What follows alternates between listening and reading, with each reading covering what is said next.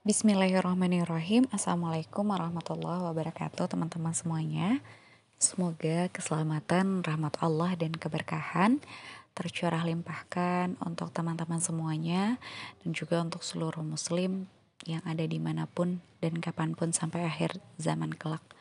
Amin ya Allah ya Rabbal Alamin. Alhamdulillah, Alhamdulillah, Alhamdulillah ya Rabbil Alamin.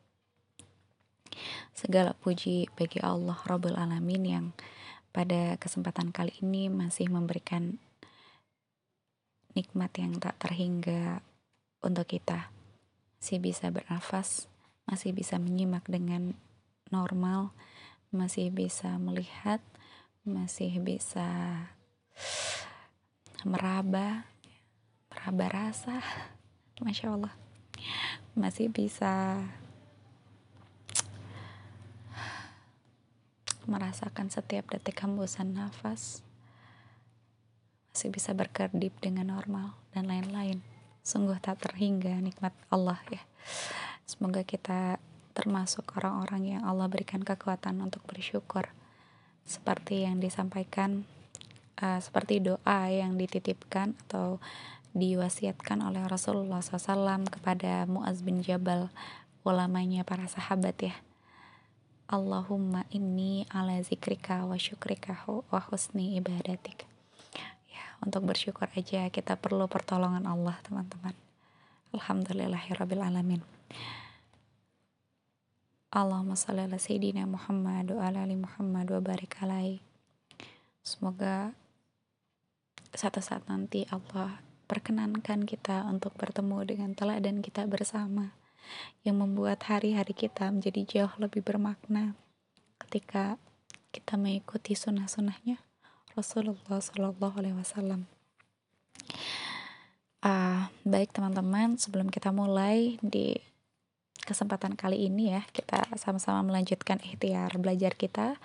Mari sama-sama kita memohon pertolongan kepada Allah agar Allah jauhkan kita dari niat-niat yang salah, dari ilmu yang salah dan juga tidak bermanfaat serta dari amal-amal yang salah. Parameter ilmu yang bermanfaat adalah ilmu yang membuat kita semakin takut kepada Allah. Semakin takut kepada Allah karena kita begitu yakin akan janji-janji Allah termasuk hari pembalasan yang akan terjadi kelak. Sehingga rasa takut kita menjadi alat kontrol untuk diri kita lebih memohon pertolongan kepada Allah. Baik sama-sama ya teman-teman, uh, tundukkan hati kita, kemudian kita rasakan kalimat setiap kalimat dari doa kita ya. Bismillahirrahmanirrahim.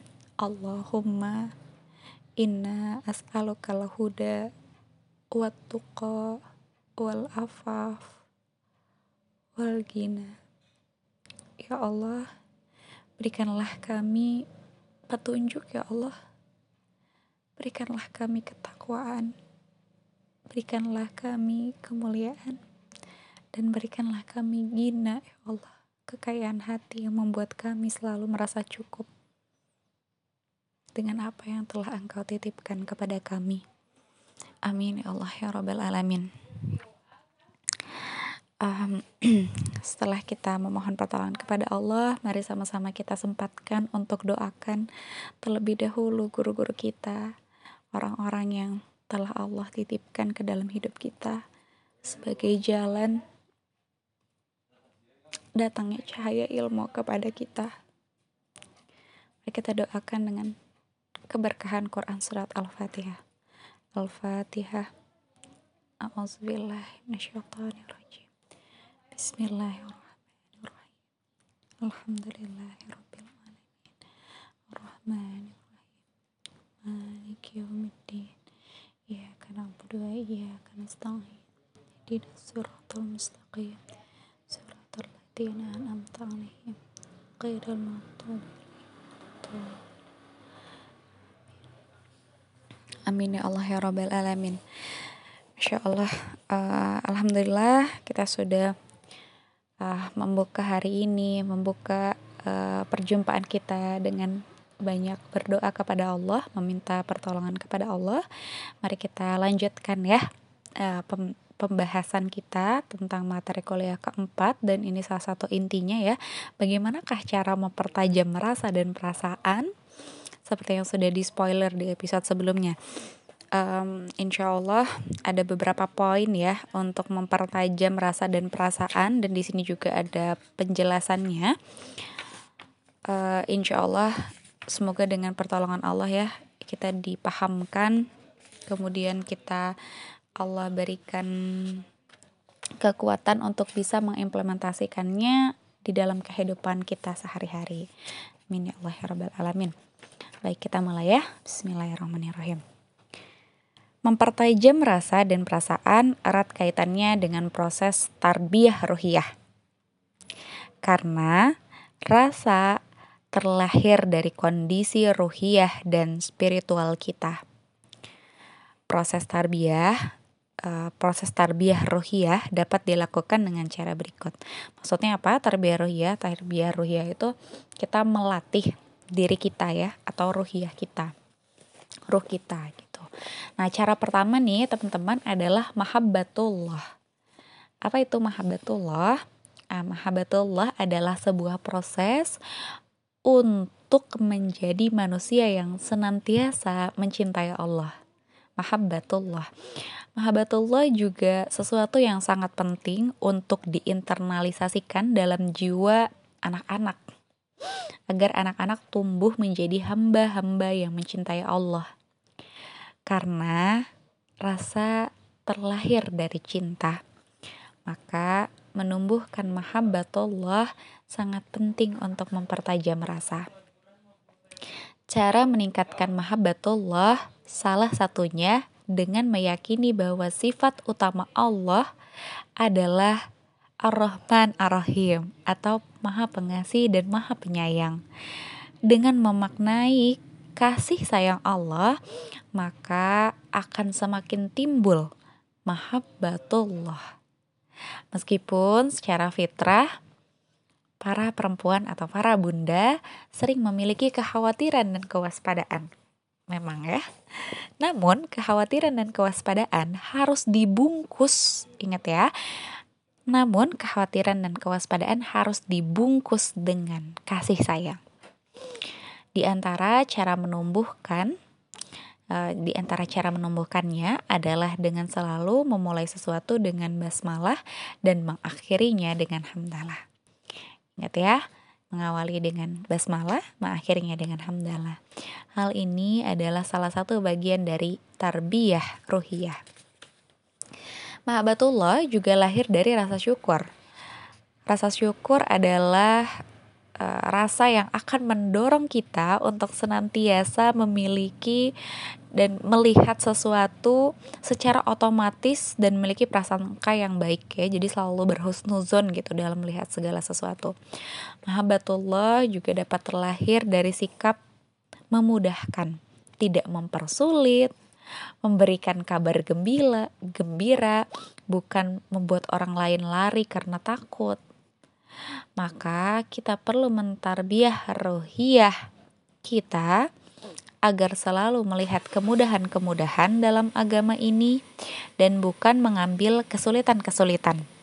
Sebagaimana Rasulullah Shallallahu Alaihi Wasallam memberikan teladan untuk selalu memilih perkara yang termudah di antara dua hal, selama hal tersebut bukanlah sebuah dosa. Dari sikap tersebut akan terlahir mahabbatullah. Mahabbatullah juga dapat terlahir dari kecintaan kita terhadap ruksoh atau keringanan yang Allah berikan kepada kita. Bahkan kita dilarang menolak keringanan yang diberikan Allah dengan alasan ketakwaan karena Allah Subhanahu wa taala mencintai hamba yang mengambil keringanan dari Allah sebagai sebagaimana cintanya sebagai seorang seseorang yang memberikan hadiah. Lalu hadiah itu diterima dengan senang hati dan dengan sebaik-baiknya. Semakin kita merasakan begitu mudahnya agama ini, maka semakin tinggi cinta kita kepada Allah. Semakin tinggi cinta kita kepada Allah dan pada akhirnya semakin tajam rasa dan perasaan kita.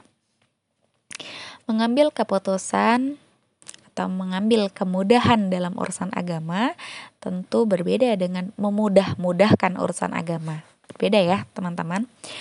Mengambil kemudahan atau rukshoh-rukshoh yang Allah berikan dalam urusan agama tentu berbeda dengan memudah-mudahkan agama. Hal itu dilarang dalam agama.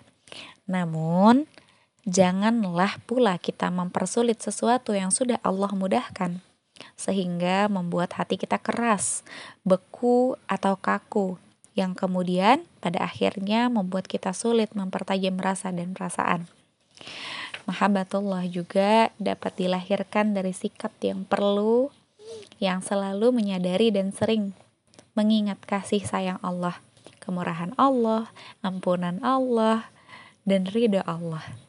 Ingatlah sabda dari Rasulullah SAW dari Abu Hurairah radhiyallahu an ia berkata bahwa Nabi Shallallahu alaihi wasallam bersabda Allah taala berfirman Aku sesuai dengan prasangka hambaku aku bersamanya ketika ia mengingatku jika ia mengingatku saat saat bersendirian aku akan mengingatnya dalam diriku jika ia mengingatku di dalam suatu kumpulan, aku akan mengingatnya di kumpulan yang lebih baik daripada itu atau kumpulan malaikat. Jika ia mendekat kepadaku sejengkal, aku mendekat kepadanya sehasta.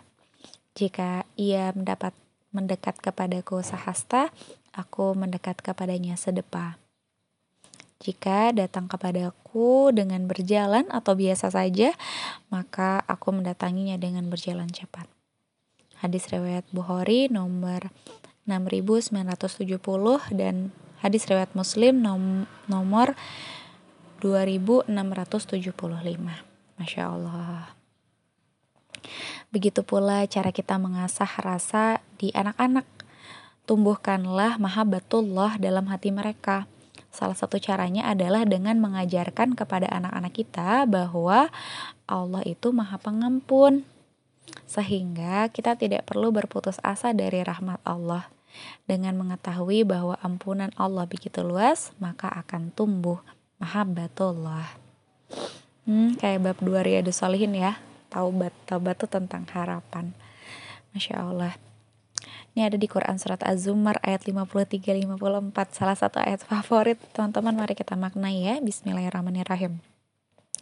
Katakanlah Hai hamba-hambaku yang melampaui batas terhadap diri mereka sendiri, janganlah kamu berputus asa dari rahmat Allah. Sesungguhnya Allah mengampuni dosa-dosa semuanya. Sesungguhnya Dialah yang Maha Pengampun lagi Maha Penyayang dan kembalilah kamu kepada Tuhanmu. Dan berserah diri dirilah kepadanya sebelum datang azab kepadamu kemudian kamu tidak dapat ditolong lagi. Insyaallah. Kemudian ada di Quran surat Yusuf ayat 87 dan janganlah kamu berputus asa dari rahmat Allah. Sesungguhnya tiada berputus asa dari rahmat Allah melainkan kaum yang kafir. Jadi Manusia-manusia yang sempit hatinya adalah mereka yang kehilangan mahabbatullah, sehingga hati mereka sempit dalam melihat dunia, termasuk sempit dalam melihat kebatilan, kejahiliahan, atau kemaksiatan. Bila kita dapat merasakan luar biasanya kasih sayang Allah, maka kita akan memiliki rasa yang halus, bukan rasa yang kasar karena Allah tidak menyukai orang-orang yang hatinya kasar. Rasa yang halus dan sikap yang lemah lembut merupakan rahmat dari Allah. Maka disebabkan rahmat dari Allah lah kamu berlaku lemah lembut terhadap mereka. Sekiranya kamu berlaku atau bersif, bersikap kasar, bersikap keras lagi berhati kasar, tentulah mereka menjauhkan diri dari sekelilingmu karena itu, maafkanlah mereka, mohonkanlah ampun bagi mereka, dan bermusyawarahlah dengan mereka dalam urusan itu. Kemudian, apabila kamu telah membulatkan tekad, maka bertawakallah kepada Allah. Sesungguhnya Allah menyukai orang-orang yang bertawakal kepadanya. Quran Surat Al Imran ayat 159 Masya Allah Rasulullah SAW saja dalam uh, membersamai para sahabat yang akidahnya tuh udah sekuat itu Allah masih uh, memerintahkan untuk bersikap lemah lembut terhadap mereka. Padahal uh, para sahabat tuh kan kalau kita bayangkan ya badannya aja kekar-kekar gitu. Masya Allah. Tapi kalau bersikap keras dan berhati kasar ternyata ya mereka tuh akan menjauh dari sekeliling kita gitu ya. Apalagi kita yang bukan siapa-siapa atau ya. Dan juga lingkungan kita ataupun diri kita sendiri akidahnya belum seberapa kuatnya maka penting untuk berlaku lemah lembut dan tadi ya dengan rasa dan perasaan yang halus gitu mahabbatullah sangat penting untuk kita tanamkan dalam jiwa kita dan juga keluarga kita, lingkungan kita, bahkan nanti ke depannya anak-anak kita sehingga proses tarbiyah ruhiyah yang kita jalankan akan menghasilkan rasa dan perasaan yang halus dan peka. Masya Allah. Itu cara yang pertama ya untuk mempertajam rasa dan perasaan. Mahabbatullah.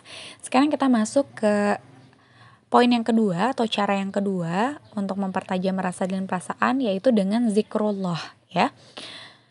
Atau berzikir dengan nama-nama Allah. Sebagian besar nama-nama Allah yang akan kita sebut saat kita berzikir kepada Allah adalah nama-nama yang akan melembutkan hati kita. Karena sifat Allah yang lembut lebih dominan dibandingkan sifat-sifat Allah yang keras. Orang yang senantiasa berzikir kepada Allah akan menjadi orang yang peka dan sensitif, serta selalu mengingat Allah. Ya, masya Allah ya.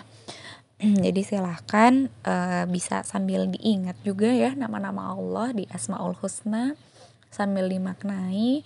Jangan sampai zikir-zikir kita tuh cuman uh, begitu cepat ya sampai pronunciation aja atau pengucapannya nggak benar gitu ya. Kalau Ustadz Nuzul tuh suka nyontohin kayak gini. Kita kadang uh, ngomong alhamdulillah gitu ya saking cepatnya dizikir hamlah hamlah hamlah hamlah gitu. Bukan alhamdulillah. Yang nggak ada artinya sama sekali saking cepatnya. Padahal alhamdulillah tuh segala puji bagi Allah harusnya kita pelan pelan gitu ya alhamdulillah alhamdulillah kemudian Allah akbar Allah akbar saking cepatnya jadi lokbar gitu ya teman-teman Padahal Allahu Akbar itu dalam. Allahu Akbar ada Allah Maha Besar. Ketika kita sudah memaknai kata Allahu Akbar kita aja, kita tuh sudah sebenarnya sudah berikrar di hadapan Allah bahwa tidak ada sesuatu yang lebih besar daripada engkau. Maksudnya masalah-masalah kita kecil gitu ya. Hal-hal atau problem-problem yang kita rasakan di dalam kehidupan, kerumitan dan segala macam itu masih kecil dibandingkan kekuasaan Allah harusnya seperti itu ya yang yang pada akhirnya membuat kita tenang begitu teman-teman ya perbanyak zikrullah Oke, poin ketiga tentang tazkiyatun nafas. Ini juga pernah kita bahas ya di bab kedua, kalau nggak salah ya tentang hati dan e, mendidik hati nurani. Jadi silahkan teman teman-teman bisa flashback lagi pembahasan tazkiyatun nafs di bab tersebut. Tapi aku juga di sini akan e, membacakan uh, ini ya penjelasannya sedikit gitu. Oke. Bismillahirrahmanirrahim. Banyak yang mengatakan bahwa hal dari tazkiyatun nafs atau proses penyucian jiwa cukup dilakukan dengan menjauhkan diri dari dosa. Padahal proses tazkiyatun nafs bukan hanya sekedar menjauhkan diri dari hal yang buruk, tapi justru memperbanyak melakukan kebaikan. Karena kebaikan itu yang akan menghapuskan keburukan. Karena sesungguhnya amar ma'ruf itu adalah nahi mungkar terbaik. Dan sesungguhnya kebatilan pasti akan lenyap sebagaimana firman Allah dalam Quran surat Al-Isra ayat 81. Dan katakanlah kebenaran telah datang dan yang batil telah lenyap. Sungguh yang batil itu pasti lenyap. Tuh guys ya. Jadi teman-teman amar ma'ruf itu adalah nahi mungkar terbaik. Masya Allah.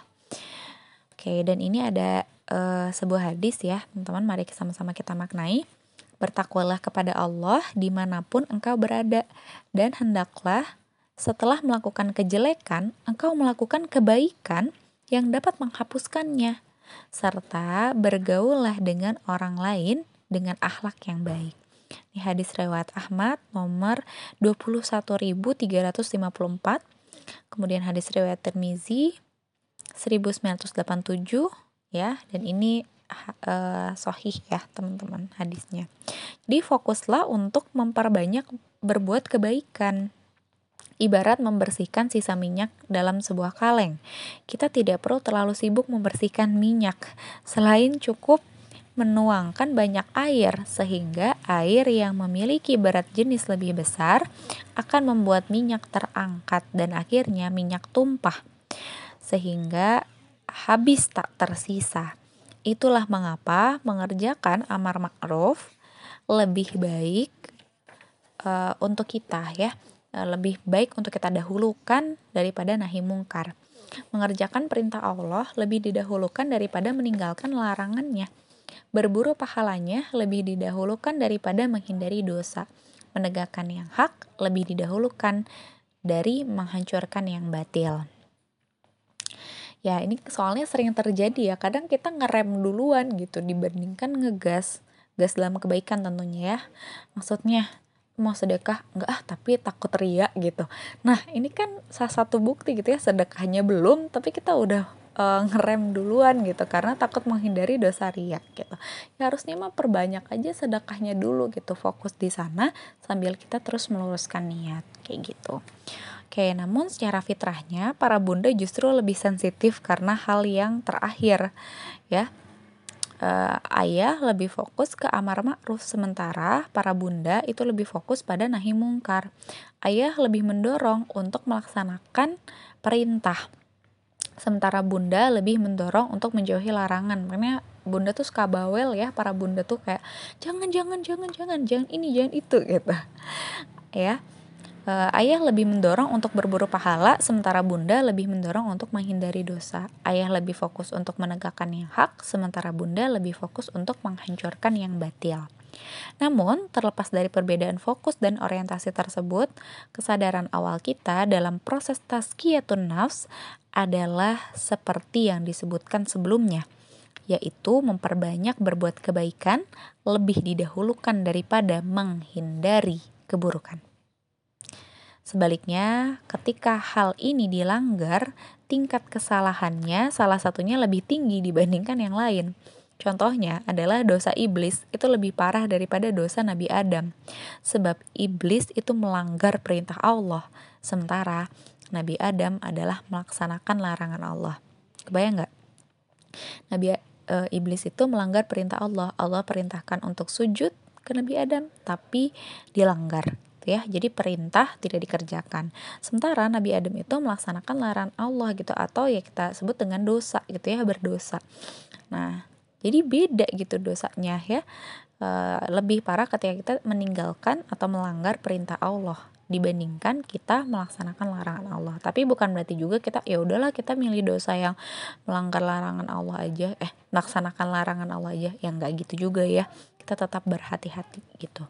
Secara fitrah, perempuan dan laki-laki pun memiliki kacamata yang berbeda dalam hal maksiat. Bagi perempuan, kemaksiatan lebih dititik beratkan pada larangan yang dilaksanakan. Hmm. Larangan yang dilaksanakan tadi seperti Nabi Adam ya. Sementara bagi laki-laki kemaksiatan lebih dititik beratkan pada perintah yang dilanggar. Namun dalam hal proses tazkiyatun nafs kita harus kembali pada kaidah awal seperti yang telah dijelaskan sebelumnya, yaitu memaksimalkan uh, pada setiap kebaikan yang bisa kita lakukan gitu ya, memperbanyak kebaikan. Oke, itu yang ketiga ya, tazkiyatun nafs. Sekarang kita masuk poin keempat uh, yang bisa mempertajam rasa dan perasaan adalah ibadah mahdoh. Jadi ibadah mahdoh ini penting banget ya karena upaya tarbiyah ruhiyah selanjutnya dalam rangka memperhalus dan mempertajam rasa dan perasaan adalah banyak-banyak melakukan ibadah mahdoh. Termasuk memperbanyak ibadah-ibadah tambahan seperti ibadah sunnah dan lain-lain. Namun, kemampuan menjalankan ibadah mahdoh setiap orang itu ya memang tidak bisa diseragamkan ya. Seperti di Quran surat Al-Baqarah ayat terakhir gitu ya, mastatoktum. Jadi sesuai dengan kemampuan masing-masing gitu karena beda-beda. Ada orang yang mungkin lebih unggul dalam hal saum, ya. Sementara yang lain ada yang unggul dalam hal yang tilawah, ada yang unggul dalam qiyamul dan lain-lain.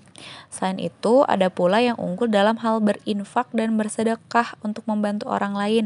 Nah, namun pada hakikatnya ibadah-ibadah tersebut adalah bagian dari proses tarbiyah ruhiyah. Gitu ya, teman-teman. Jadi silahkan pilih amalan yang bisa ibadah mahdoh yang bisa uh, teman-teman maksimalkan gitu. Mau itu duha ya silahkan konsistenkan. Kemudian juga perbaiki kualitas dan kuantitasnya gitu dimaksimalkan ya. Kalau mau saum ya silahkan mungkin yang frekuensinya tadinya cuma ayamul bit se sebulan tiga kali ya tiga hari di tengah bulan. Kayak sekarang ya uh, aku recording ini di 12 Muharram. Eh di salah di 14 Muharram di 14 Al Muharram Nah, 13, 14, 15 tuh saum gitu ya di setiap bulannya. Ah, tapi udah terbiasa nih tiga hari, oh ditambah sama Senin Kamis. Senin Kamis juga udah terbiasa, ah, mungkin tingkatkan frekuensi sampai Daud ya selang sehari kayak gitu silahkan teman-teman. Dan jangan lupa dicari dulu wainya ya sebelum melaksanakannya biar tadi termaknai bukan hanya sekedar rutinitas cari tahu apa saja keutamaan saum gitu ya apa saja keutamaan duha dan apa saja doanya agar kita bisa lebih memaknai dan tadi rasa dan perasaan kita terlibat di sana. Oke okay, poin terakhir dari oh enggak terakhir sebelum terakhir Poin kelima dari cara mempertajam rasa dan perasaan adalah berkumpul bersama orang-orang soleh. Nah ini penting nih, ya penting banget. Nah ruh itu tidak pernah salah bergaul teman-teman. Ruh tidak pernah salah gaul. Maka untuk membuat rasa dan perasaan kita semakin peka, bergaulah dengan orang-orang yang soleh. Dalam hadis riwayat Imam Al-Bukhari, dalam sohihnya disebutkan bahwa ibunda kaum mukminin atau bunda Aisyah radhiyallahu an mendengar Rasulullah SAW bersabda, ruh-ruh itu seperti pasukan yang mengelompok. Maka ruh-ruh yang saling kenal akan menjadi akrab. Adapun ruh-ruh yang tidak saling kenal akan menjadi saling tidak cocok gitu. Nah, akan seperti apa diri kita sang sangat dipengaruhi oleh lingkungan terdekat kita ternyata ya. Maka memilih bergaul dengan teman-teman yang soleh menjadi bagian dari tarbiyah ruhiyah. Bila kita banyak bergaul dengan orang yang keras hatinya tidak peka, tidak sensitif, maka kita pun akan cenderung seperti itu sebagaimana Rasulullah SAW memberikan perumpamaan mengenai pertemanan dalam hadis berikut. Nah ini hadisnya pasti teman-teman udah familiar banget, udah sering dengar banget ya. Bersama-sama kita maknai lagi dan bersama dengan hadis ini. Bismillah. Permisalan teman yang baik dan teman yang buruk ibarat seorang penjual minyak wangi dan seorang pandai besi. Penjual minyak wangi mungkin akan memberimu minyak wangi, dan engkau bisa membeli minyak wangi darinya dan kalaupun tidak, engkau tetap mendapatkan bau harum darinya. Sedangkan pandai besi bisa jadi percikan apinya mengenai pakaianmu, dan kalaupun tidak, engkau tetap mendapatkan bau asapnya yang tak sedap. Hadis riwayat Bukhari 5534 dan hadis riwayat Muslim 2628. Nah, bila kita telaah Quran Surat Al-Fatihah terdapat kata sirotol mustaqim dengan makna yang dijabarkan pada ayat selanjutnya yaitu jalan orang-orang yang telah engkau beri nikmat kepadanya bukan jalan mereka yang dimurkai dan bukan pula jalan mereka yang tersesat. Jalan tersebut tidak diberikan kepada subjek yang tunggal, melainkan kepada subjek yang jamak, artinya berkelompok-kelompok dan e, banyak orang gitu ya. Ayat ini sekaligus menunjukkan pentingnya beramal jama'i gitu. Karena dengan beramal jama'i kita akan selalu dekat dengan orang-orang yang soleh. Insya Allah keberadaan kita bersama orang-orang yang soleh akan memperhalus rasa dan perasaan kita. Masya Allah. Oke, okay, uh, eh, poin terakhir dari cara mempertajam rasa dan perasaan adalah uh, ibadur rahman. Ya, uh, poin ini diawali dengan Quran surat Al-Furqan ayat 63. Mari sama-sama kita maknai. Bismillahirrahmanirrahim.